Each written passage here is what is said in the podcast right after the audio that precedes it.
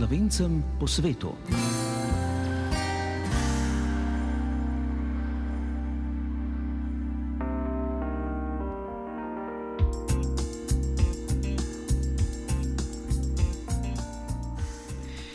Pozdravljeni v oddaji Slovencem po svetu, tokrat s tremi zgodbami. Slišali boste, kako poteka delo astronoma, pogovarjali smo se namreč s Tejom Močnikom, ki kot astronom dela na Havajih. Od Marjane Jerman, ki v Minhnu poučuje slovenščino, boste slišali, kakšni so razlogi, da se študenti odločajo za učenje našega jezika. Med njimi je recimo tudi ta, da jim je všeč kakšna slovenska glasbena skupina. Pogovarjali pa smo se tudi s predsednico društva v tujini izobražen izobraženih slovencev Kristi Hodak Knobloh, ki je ponosna, da ima društvo vse več članov. K poslušanju odaje vas vabim Živa Trček, za glasbo je poskrbel Jane Weber.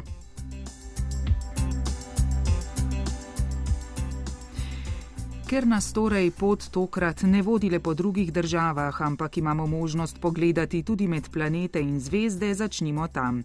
Navdušeni zvezdogled Teo Močnik od februarja 2020 dela na observatoriju Gemini na Havajih. Njegovo delo vključuje tudi opazovanje z 8-metrskim teleskopom na gori Mauna Kea. Z njim sem se, poleg astronomije seveda, pogovarjala tudi o tem, kako je živeti na Havajih. Aloha sem mu zaželela, ko je bil tam že večer. Aloha, uh, torej pri nas je dopoledne. Na Havajih pa ste 11 ur za nami, torej je pri vas večer. Eh, glede na to, da delate v observatoriju, a ste ravno začeli službo. Ja, tako je. Eh, pri nas je 10 zvečer. Ravno pred nekaj dnevi sem opazoval z teleskopom, tako da v bistvu 10 zvečer trenutno predstavlja čas kosila. Moram pa počasi preklopiti na dnevni potek, ker me čakajo zgodni sestanki čez zgolj dva dni tako da delo astronoma pomeni, da moraš preklapljati med dnevnim delom in nočnim delom. Uh, ampak tega sem se navadil in tudi ne predstavlja velike vire uh, za me osebno. No, ko smo se pred dnevi pogovarjali, ste poslali pozdrave iz kontrolne sobe teleskopa. Kako naj si predstavljamo tako kontrolno sobo, kako izgleda? Ja, torej, a, teleskop sedi na vrhu gore Mauna Kea na Havajih, To je 4,2 km visoko, da imamo dobro, kvalitetno nebo nad sabo. Mi pa opazujemo iz kontrolne sobe, ki je na sedežu observatorija, ki je v nižini, v glavnem mestu otoka Hilo. In iz te kontrolne sobe potem pošiljamo ukaze teleskopu na vrh gore preko internetne povezave, kar naredi zadevo bolj praktično, ne rabimo se voziti na vrh gore, tudi če sneži ali zaledeni cesta, na ta način uh, ne zgubljamo uh, opazovalnega časa. Um, kontrolna soba je en kup računalniških ekranov, en kup računalnikov, uh, in dve osebi sedita v tej kontrolni sobi. En upravlja s teleskopom, uh, druga oseba pa upravlja z znanstvenimi instrumenti in potem se odločamo, kateri objekt bomo opazovali, glede na vremenske pojave, glede na uh, koliko je oblačno, glede na to, koliko piha veter, kakšna je vlažnost in tako naprej. Um, in s tem, ko opazujemo, podatki crljajo uh, proti nam in spremljamo, ali so podatki v redu ali ne. In če so podatki dobri, pomeni, da je noč uh, dobro upravljena.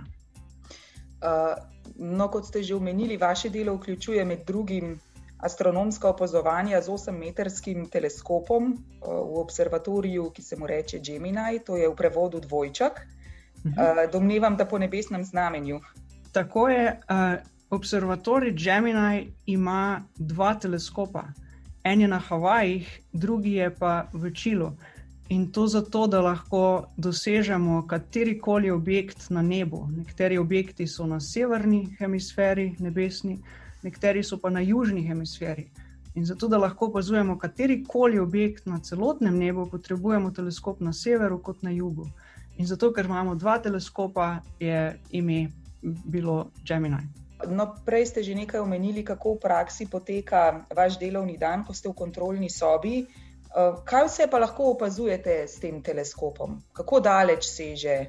Opazujemo cel asortima različnih astronomskih objektov galaksije, planete, zvezde, planetarne meglice. Um, tudi asteroide in planete um, v našem osončju. Um, imamo več različnih inštrumentov, um, z nekaterimi zgolj delamo posnetke, z drugimi uh, delamo tako imenovane spektre, da proučujemo kemijske sestave. No, nedavno je veliko svetovne pozornosti požela izstrelitev novega vesoljskega teleskopa James Webb, s katerim naj bi bilo mogoče raziskovati celo nekatere najbolj oddaljene in najstarejše pojave v vesolju. Je vaše raziskovalno delo kako povezano s tem? Uh, je ena glavna, uh, znanstveni, en, eden glavnih znanstvenih ciljev Jamesa Webba bodo eksoplaneti. Um, je velik teleskop, je v vesolju in je v infrardečih valovnih dolžinah. In ta kombinacija je idealna za proučevanje atmosfer oddaljenih planetov. Uh, tako da nadejamo se, da bomo z Jamesom Webbom lahko izmerili uh, metan, morda kisik v atmosferah eksoplanetov. In eksoplaneti so ravno moje področje raziskovanja. Tako da Jamesa Weba, si, kar se eksoplanetov tičem, uh, tiče, uh, obetam kar veliko. Um, so pa tudi ogromno drugih znanstvenih ciljev, ki so si jih uh, zastavili z, za James Webb. Uh, med drugim, zelo globok pogled v naše osončje. Videli bomo ene, ene prvih galaksij, ene najbolj oddaljenih galaksij in s tem skušali ugotoviti, kako je, kako se, kako, kako je v bistvu vesolje začelo nastajati v najzgodnejših fazah, ki so nam dosegljive na nebu. Uh, eksoplaneti pa so planeti zunaj našega osončja. Ja, tako je. Ja. V zadnjem času je bilo o vesolju kar precej govora, tudi zaradi incidenta, ko so se Kitajci razjezili nad milijarderjem Ilonom Maskom, čež da so sateliti iz njegovega vesoljskega programa skoraj trčili v kitajsko vesoljsko postajo. Okoli Zemlje naj bi sicer krožilo že okrog 30 tisoč satelitov in raznih vesoljskih odpadkov, a postaja vesolje prenatrpano. Kaj opažate? S to izjavo se absolutno strinjam. Um, po mojem mnenju je v bistvu samo vprašanje časa, kdaj do dejanskega incidenta tudi pride ne samo near miss, kot se je pred par dnevi zgodilo, ampak dejansko trg. In če pride do trka, bo to sprožilo verižno reakcijo, vsta drobir bo na to trčil v druge satelite in bo še več drobirja, še več in tako naprej. In to bo onemogočilo dostop do vesolja za zelo dolgo časa, govorimo o stoletjih, preden bi se ta drobir počasi uh, gravitacijsko popadal na, na, na Zemljo. Je pa še drug problem, ki ga imamo astronomi. In ta je, da je vsak satelit odbija sončno svetlobo. Vsak satelit je lučka, ki se na nebu premika v bistvu zelo hitro. In če je teh lučk preveč, pomeni, da bo opazovanje astronomskih objektov na nebu postalo kontaminirano zaradi vseh teh satelitov. In eh, študije se delajo, kakšen bo ta vpliv in kako se kako ta vpliv zmanjšati. Tako da um, vsaj astronom, uh, ameriška uh, astronomska sfera se pogovarja z Elonom Muskom, uh, z SpaceXom, kako. Kaj narediti, kako zasenčiti te satelite, kako jih pobarvati, na katero orbito, na katero oddaljenost od Zemlje jih moramo postaviti, da bo vpliv na astronomijo minimalni. So pa še drugi ponudniki, ki želijo doseči prav enako. Um, OneWeb, Amazon, uh, Kitajska, britanska vlada, vsi hočejo svojo konstelacijo satelitov. Skratka, nebo se bo bistveno spremenilo, če se vsi ti projekti uresničijo. No, pa še eno aktualno vprašanje. Zemlji se bliža asteroid, širok en kilometr. NASA napoveduje, da naj bi prihodnji teden, 18. januarja, letel najbližje Zemlji. Ga boste opazovali? Take stvari se zelo pogosto dogajajo. Dva milijona kilometrov je večkratnik oddaljenosti Lune od Zemlje, tako da nevarnost ni prav velika.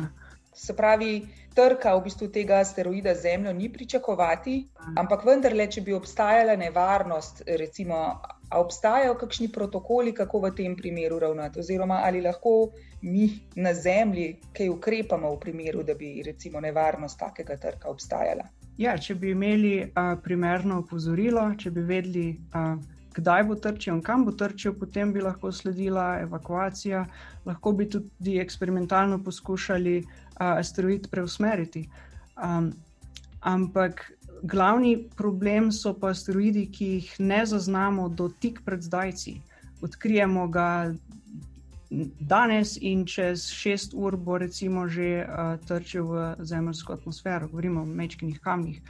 Uh, zato je pa uh, več uh, observatorijev vse širom po svetu uh, ukvarja s tem, da odkrije prav vse um, asteroide, ki bi lahko potencialno ogrozili uh, obstoj, recimo, mest. In, uh, torej, uh, gre za asteroide velikosti 100 metrov in več.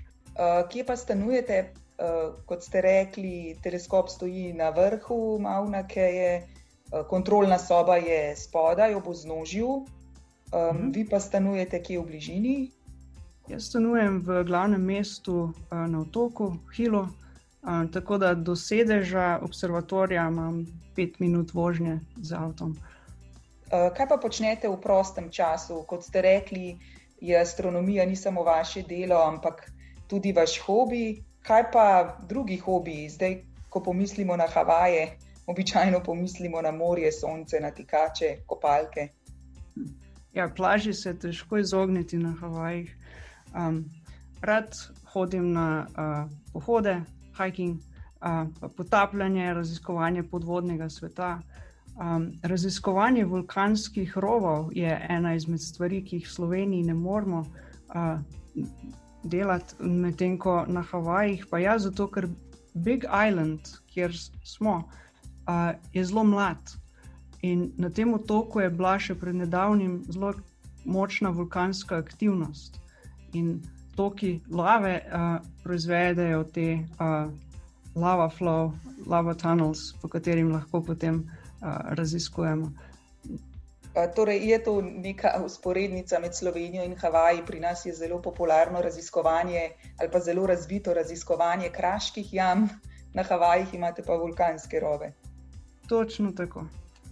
Uh, ste morda iz Slovenije na Havaje izvozili kakšne posebne navade, ki jih tam nimajo, vi se jih pa držite kot slovenec? Si kuhate kakšno posebno hrano? Predvsem pogrešam slovensko hrano. Hrana na Havajih je dokaj drugačna, po mojem mnenju, slabša od slovenskih. Uh, zelo dobra je morska hrana, uh, dobre so ribe, um, ampak sam nisem ravno navdušenec nad morsko hrano. Uh, kar pa je zelo dobro, so, uh, je sadje. Najboljši ananas, najboljše banane, najboljši liči, fantastično. Ampak vse to bi takoj zamenjal z eno slovensko govejo juhico. Kaj pa drugi slovenski strokovnjaki iz vašega delovnega področja v tujini, je kar nekaj, a imate kaj stika z njimi? Ja, seveda sem v stiku z nekaterimi slovenskimi astronomi. Um, ne poznam pa nikogar, ki bi bil na našem otoku kako bi otroku na najlažji način, nekaj stavkih, mogoče razložili, kaj je črna luknja? Črna luknja je ekstremno gosta, uh, gosta snov. Tako težka snov, da prepreči, da bi svetloba pobegnila od, uh, iz črne luknje. In zato, ker svetloba ne more pobegniti iz črne luknje, je črne barve. In črne luknje nastanejo na ta način, da se zvezda uh, sesede vase. In kaj točno se dogaja v črnih luknjah, uh, ne bomo nikoli vedeli. Znamo uh, poračunati, znamo špekulirati, teorija obstaja, uh, ne moremo pa nikdar uh, dobiti merskih podatkov iz črne luknje. Lahko bi poslali sondo v črno luknjo, ampak informacij iz te kamere pa ne bi mogli dobiti, zato ker informacija je v bistvu svetloba, tako da ta informacija ne bi mogla pobegniti iz črne luknje. Kaj se zgodi s kamero v črni luknji, nikoli ne bi, ne bi izvedeli. In to bo, kot če pravite, omočnik za vse le ostala skrivnost. In prav skrivnostnost je najbrž tudi eden od razlogov, zakaj je številnim tako privlačno opazovanje nočnega neba.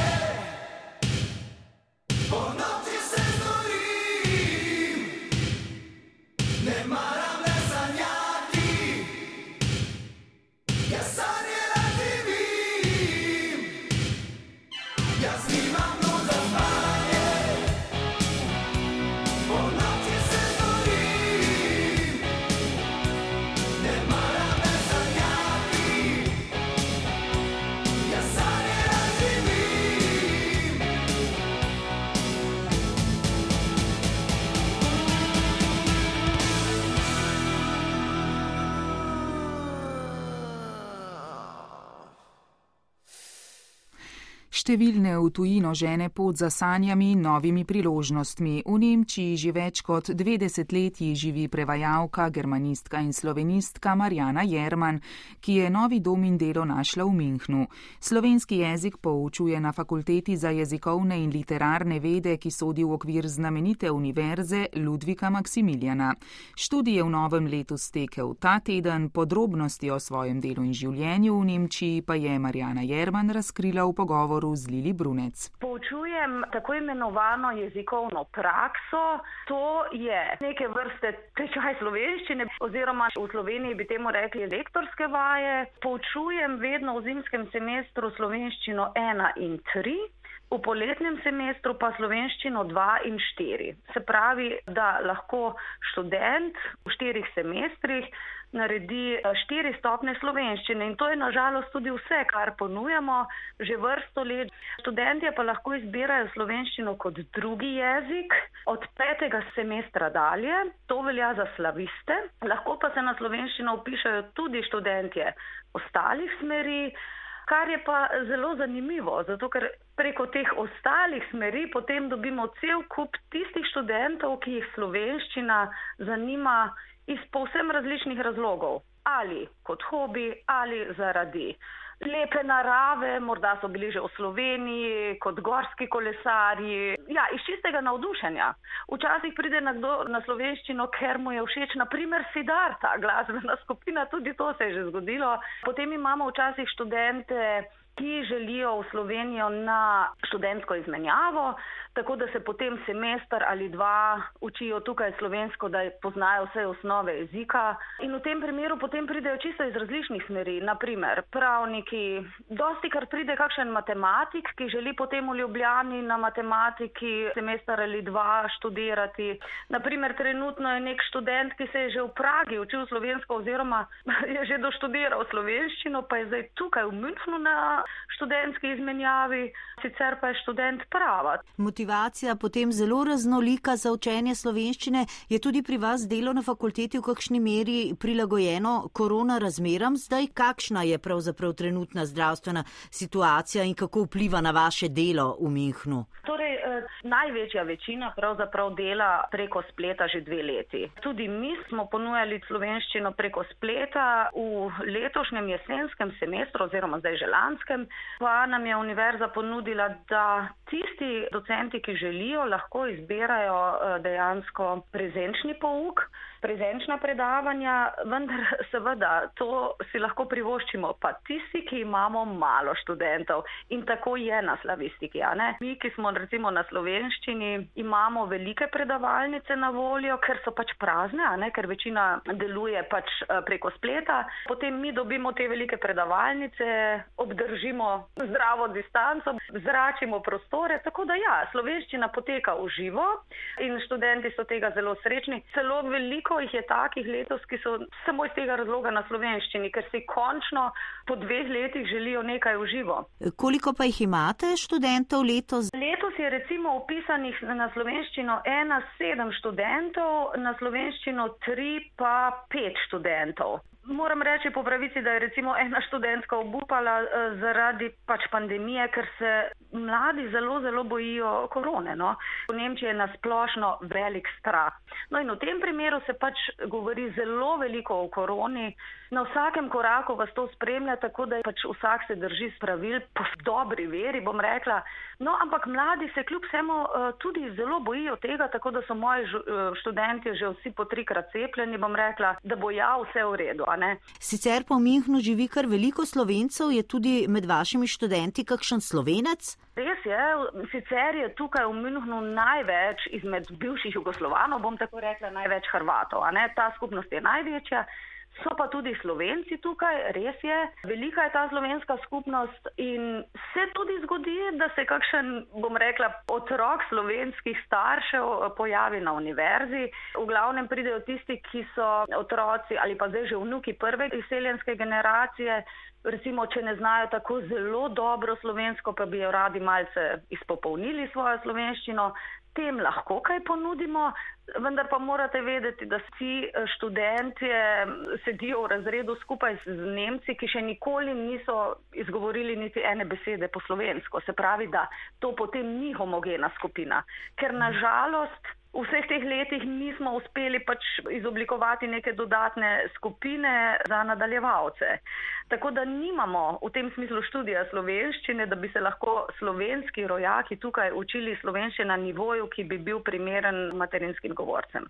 Se pa najdejo kakšni, ki kljub vsemu pridejo in se potem vključijo v skupino, recimo pri nadaljevalcih, če se le da, jih želimo obdržati. In uh, je to vedno tudi lep povod za kakšna druga sodelovanja. Naprimer. No, sicer pa vi že vrsto let poučujete slovenski jezik v Nemčiji. Kako pa je pravzaprav vas zaneslo v Nemčijo? Je bila to službena pot ali kaj drugega? Mene je dejansko zanesla službena pot že pred dolgimi leti. 2001. leta sem šla v Berlin v bistvu kot, bom rekla, diplomatka. Delala sem na veleposlaništvu štiri leta v Berlinu, potem sem nekaj časa ostala v Hamburgu, ki je tudi krasno mesto.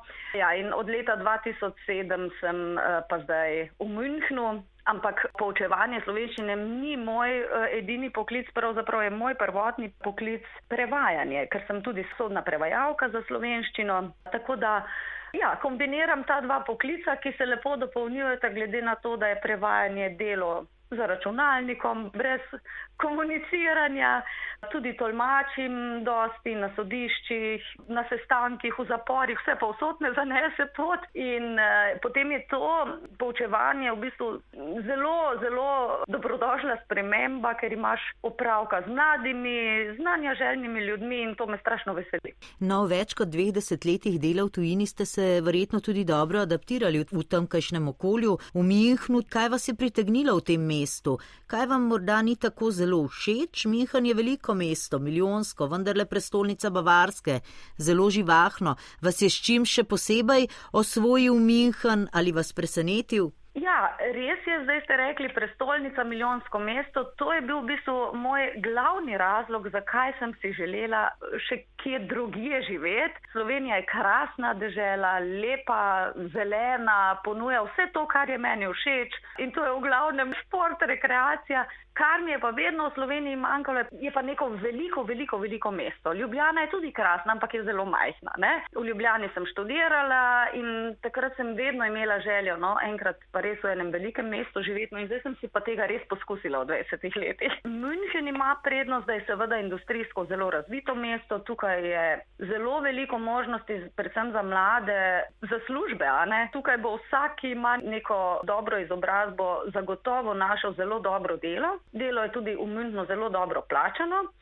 Pozitivna stran Münchna je vsekakor, da je to zelo zeleno mesto z mnogimi parki, neskončno dolgimi kolesarskimi potmi, ki jih jaz pridoma izkoriščam.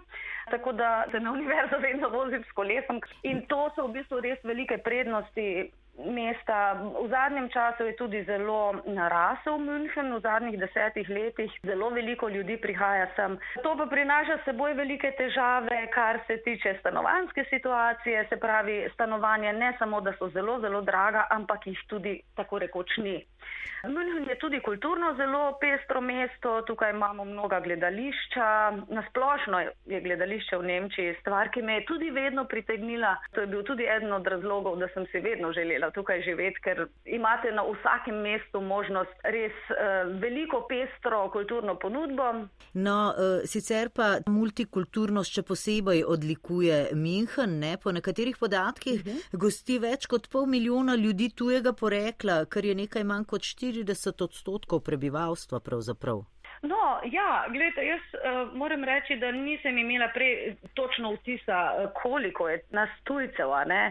Eh, se pa to recimo vidi potem, ko pridete v stik z javnimi ustanovami. Naprimer, meni se je to začelo dogajati, ko sem postala mama in potem, ko otroka vključujete vse te inštitucije, vidite, koliko je res tujcev v Münchnu, ki pa se precej prilagodijo. Eh, so pa tudi določene skupnosti, ki se držijo precej zase. To so v bistvu tisti narodi, ki imajo zelo veliko skupnost. Naprimer, imajo svoje klube, svoje glasbene skupine, svoje zabave. Ja, je vsekakor pestro veliko mesto.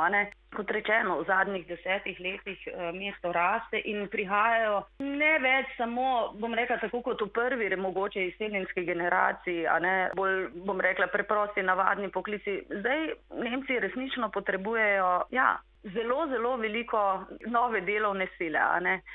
Ja, tudi veliko slovencev prihaja sem, to tudi vem, recimo kot prevajalka, ljudje si urejajo vse mogoče dokumentacijo ne, in potem prinesejo prevode in mi povejo svoje zgodbe, ki so zanimive. Ne. Se pravi, ne hodijo samo medicinske sestre v München, pridejo tudi inženirji, glasbeniki, vse mogoče. Sicer pa tudi, bom rekla, teh staronaseljencev, zdomcev še iz konec 60-ih, 70-ih let prejšnjega stoletja, ki so se hodili eh, zaposlovati v München, je kar veliko, ne? Eh, zdaj so to že druga, tretja generacija, tudi organizirani so Slovenci mimo grede v slovenskem društvu Lipa v Münchnu. Imate vi morda kakšne stike z njimi, eh, se kaj podružite tudi s to populacijo slovencev v Münchnu? Poznam te ljudi v bistvu še iz časov, ko sem še sama delala, recimo tudi na tukajšnjem konzulatu, tako da imamo stik. Recimo zdaj moj otrok je spoznal par, zdaj že vnukov te prve generacije, ki se recimo tukaj učijo slovenščino. Ne? Moj sin ne vedno, ne hodi redno, ampak če imamo čas, gre na slovenščino, ki tukaj recimo poteka na, zakaj govorim tukaj, ker živim zelo, zelo blizu slovenskega konzulata ki omogoča slovenskim otrokom, da obiskujejo tečaj slovenščine. Tukaj poučuje slovenščino eh, Velimir Brunski, otroci ga imajo zelo, zelo radi, no in tudi moj sin gre včasih tja na slovenščino v ponedeljkih popovdne in tam potem srečam tudi te, bom zdaj že rekla, babice, detke slovenskih otrok. Poznam, seveda poznam člane društva Lipa že dolga leta, vrsto let in tudi oni, moram reči, zelo prizadevajo za ohranjanje slovenske kulture. Vem, da imajo folklorno društvo, v predkoronskem času so organizirali tudi praznovanja, veselice. Tako da ja, slovenci se lahko tukaj podružijo skupaj, če želijo. In tudi slišijo slovenski jezik. Verjetno vi tudi pogosto obiščete Slovenijo, ne Minham, vendarle ni tako zelo daleč od Slovenije. Ja, vsekakor. Torej, jaz sem iz celskega konca, natančno iz Prebolda in tam imam uh, mamo, sestro, nečakinjo, torej cela moja družina je pravzaprav v Sloveniji. Ja, tako da naše življenje v Münchnu je precej drugačno, zato ker recimo nimamo tukaj babice, detka, uh, tete, sestričen in tako naprej. V bistvu smo tukaj, ja, precej sami brez družine. In to je tudi ena stvar, ki je recimo zagotovo manjka. In ja, seveda, zelo, zelo rada gremo v Slovenijo, seveda ohranjam ta stik. Pa sicer po več kot 20 letih življenja v Nemčiji pogrešate kaj slovenskega morda pri vas v Münchnu? Seveda. A veste, kaj pogrešam? Dobro slovensko hrano. Ker Nemčija je velika, velika dežela, gastronomsko pa kaj ne rečem za me noben izziv, ne. Mislim, Slovenija je, kar se tiče gastronomije, res vrhunska in eh, vsekakor pogrešam dobro slovensko hrano pogrešam slovensko mleko, bar kafe. Ravno predvčerajšnjem sva se s mojim sinom smejala, ker sva šla v tukajšnji supermarket in na policah je bilo, ja, cela gora arget paštetne. Potem sva se nasmejala, sva rekla, no, gled, zdaj pa imamo nekaj slovenskega tudi v Münchnu. Lepo bi bilo recimo v Münchnu imeti kakšno slovensko restauracijo. Eh, lepo bi bilo imeti kakšen, ne vem, mogoče prostor, kjer bi se dalo kaj slovenskega organizirati. Mislim, da so si to vsi dosedanji generalni konzuli prizadevali. Seveda si vsak želi organizirati slovenski kulturni center. O tem je govora že odkar sem jaz v Nemčiji. Je pa težko, ne? ker München je pač drago mesto in mislim, da je tudi težko najti prostore in tako naprej. Ampak mislim, da če bi bila volja, bi se to tudi dalo. Ja, kajti kjer je volja, je običajno tudi pot. Sediho, mesto sanja, skozi okno zrem v noč. Moja mala, zdaj odhaja, meni se.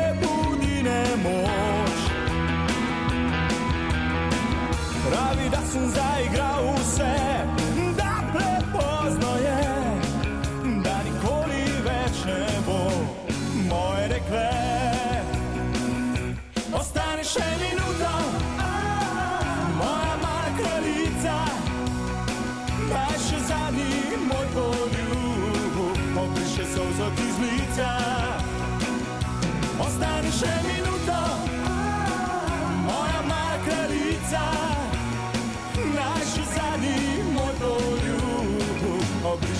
Obriše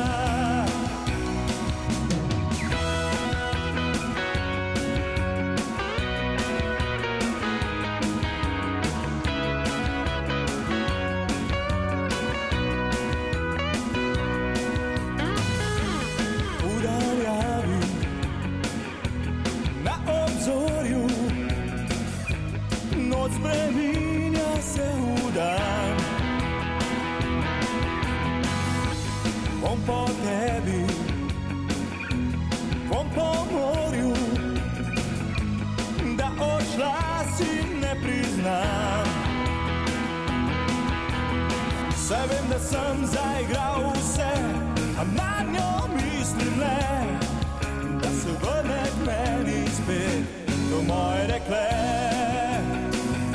Ostani še minuto, moja mala kraljica, naš zadnji moj poljub, obriše sozo ti z lica. Ostani še minuto,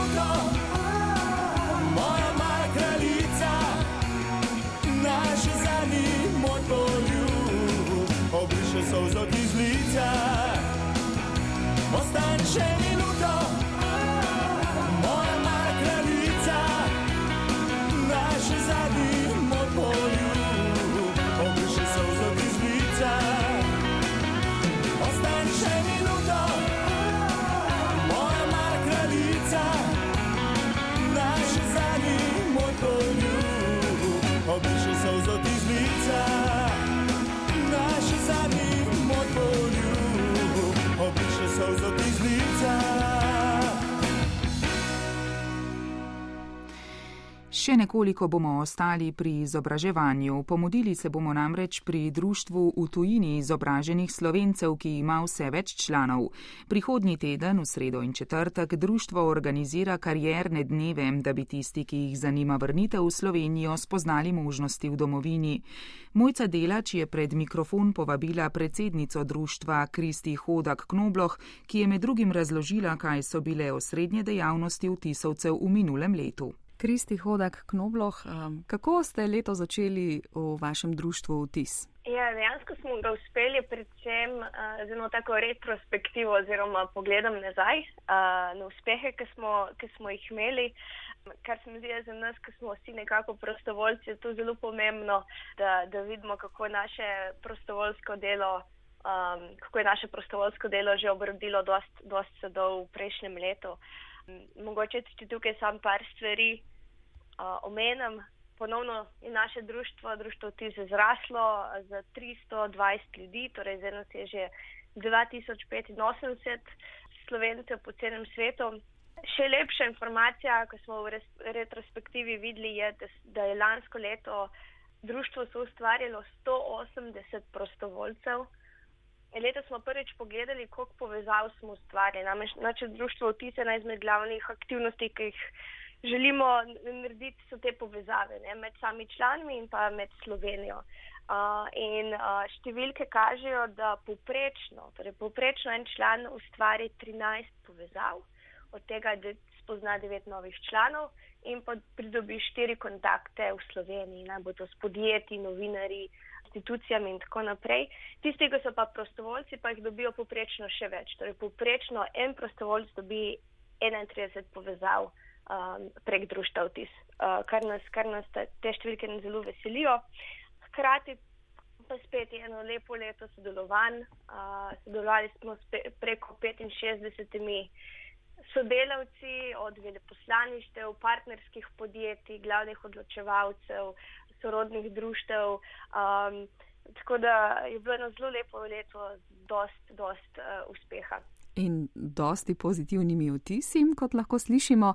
Kristi, če se spomnite na okroglo mizo položaj žensk v znanosti, ki je potekala v okviru vašega šestega simpozija slovenskih raziskovalcev uh, v tujini, kaj vam je najbolj ostalo v spominu od uh, zelo zanimive razprave?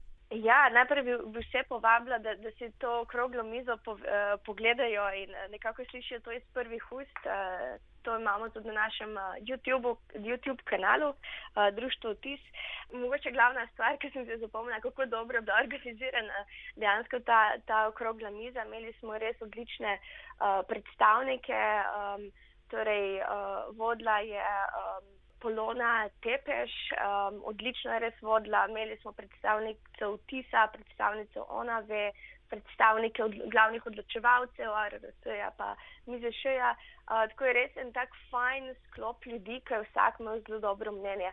Um, mogoče glavna stvar, ki sem jo odnesla, bila prav ta, da, da se pre, prepoznavanju žensk v znanosti ne smemo samo gledati izključno na neke zakonodaje, ampak bolj kako se te um, spremembe v zakonodajah um, um, izvajajo potem. Uh, to je ena stvar in druga stvar je potem spreminjanje kulture.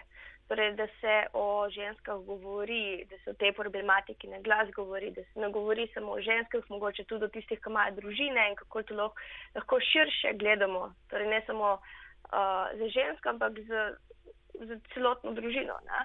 kako si lahko pomagamo, torej, da smo tukaj noter tako, da pri ženskih problematikah se ne smemo s tem ukvarjati samo ženske, ampak celotna družba.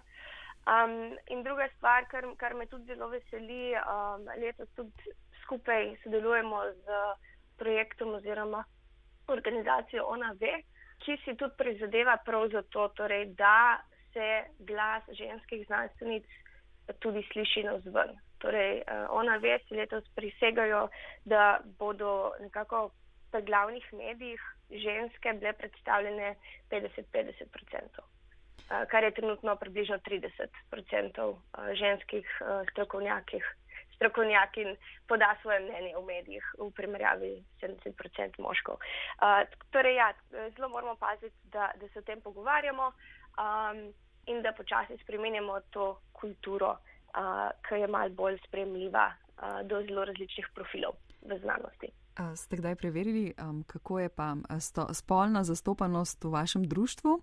Smo, uh, mi smo dejansko kar 50-50%, oziroma mislim, da celo 4% več imamo žensk. Ko smo že govorili o številkah um, med nekako analizo leta, um, ki smo mu pomahali v slovo, ste zapisali tudi, da se je nekako ena tretjina vaših članov že vrnila v Slovenijo, dve tretjini pa iščete načine sodelovanja z njo in iz tujine. Seveda, kroženje možganov je termin, ki je že nekaj let v spredju, o katerem se veliko pogovarjamo tudi o daj slovencem po svetu in pravzaprav ste tudi temu namenili pozornost na še enem dogodku, ki kar klasično zaključuje vaše vtisovo leto, kaj ne?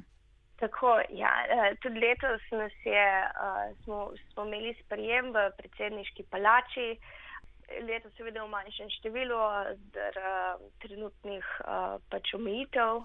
Ja, tukaj smo letos organizirali mizo, kjer nismo samo povprašali tistih, ki so tujini, ampak predvsem člane, ki so se vrnili.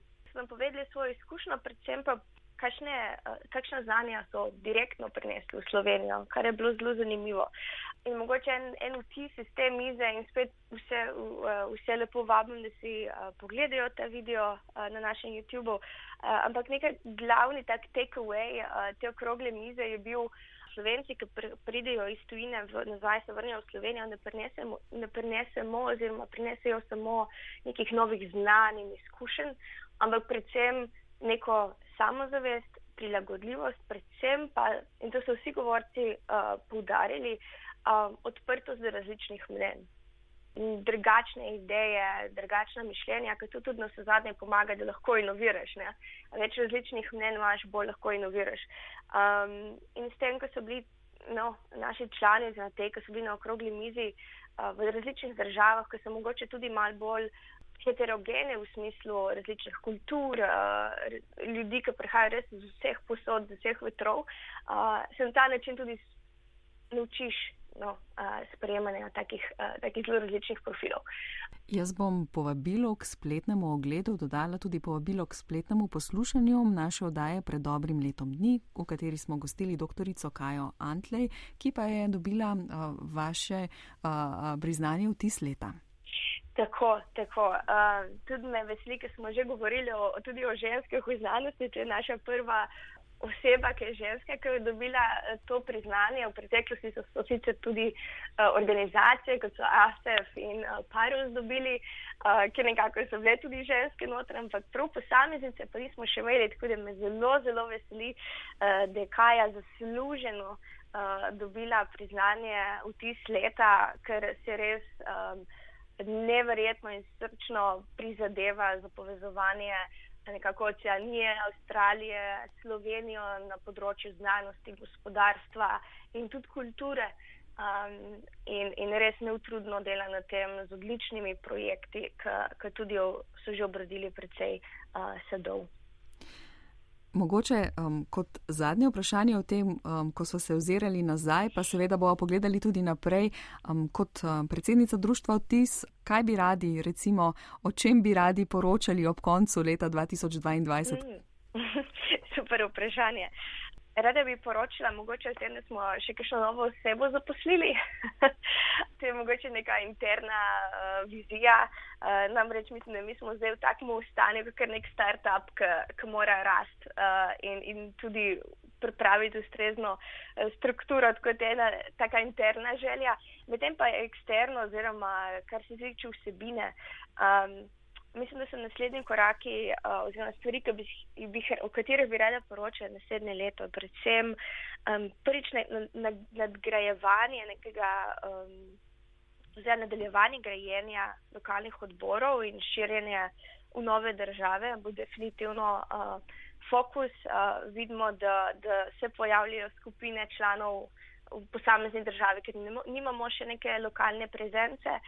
Um, Druga stvar je definitivno okrepitev tudi globalne skupnosti, uh, kar se je ta priložnost nekako pokazala prav v času COVID-a, ko smo se nekako presedljali v virtualni svet, na Slack, na digitalno platformo in kjer so se začeli ustvarjati take interesne oziroma strokovne skupine.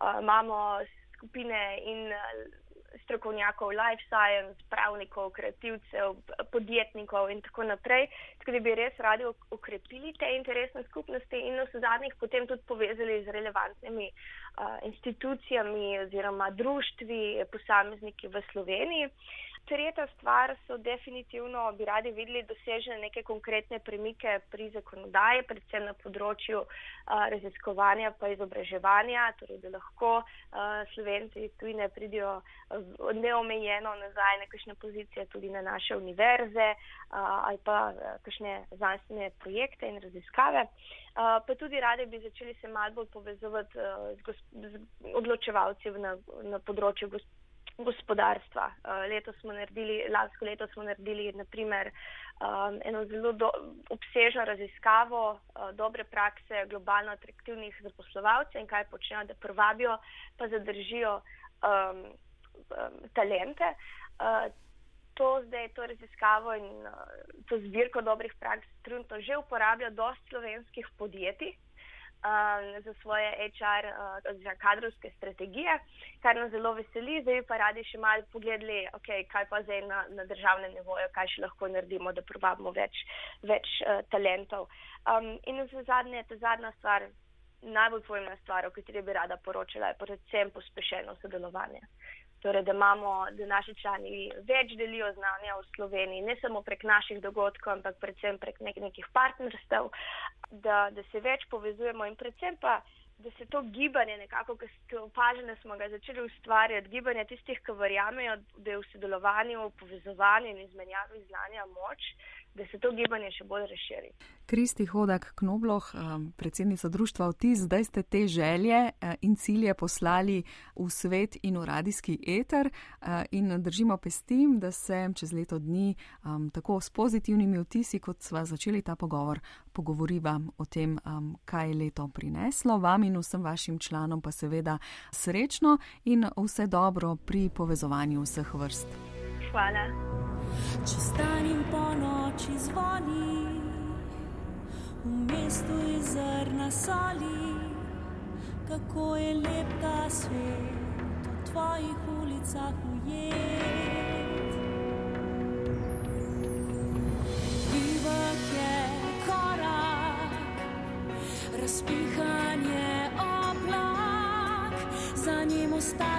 Svetlobe in tu pa tam kak sini cvet. Pobarvaj me v rdeče, v globino srca, pobarvaj me v belo, čistega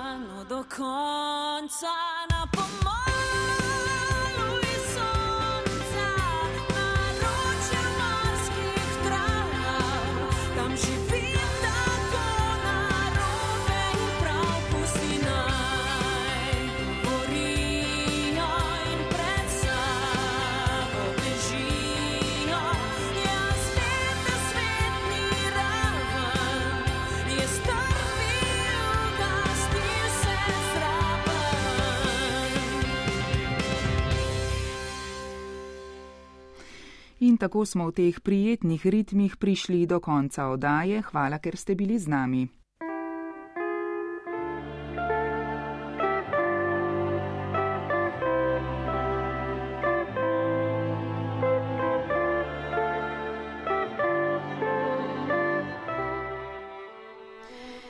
Slovenci po svetu smo se tokrat družili novinarki Lili Brunec in Mojca Delač, tonski mojster Vito Plavčak, Jane Weber, ki je poskrbel za glasbo, ter Živa Trček, ki sem vodila odajo.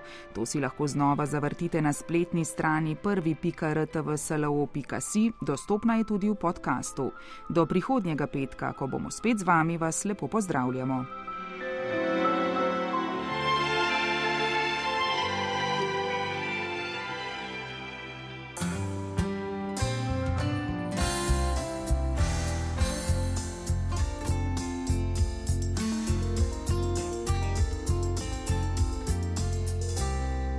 Slovencem po svetu.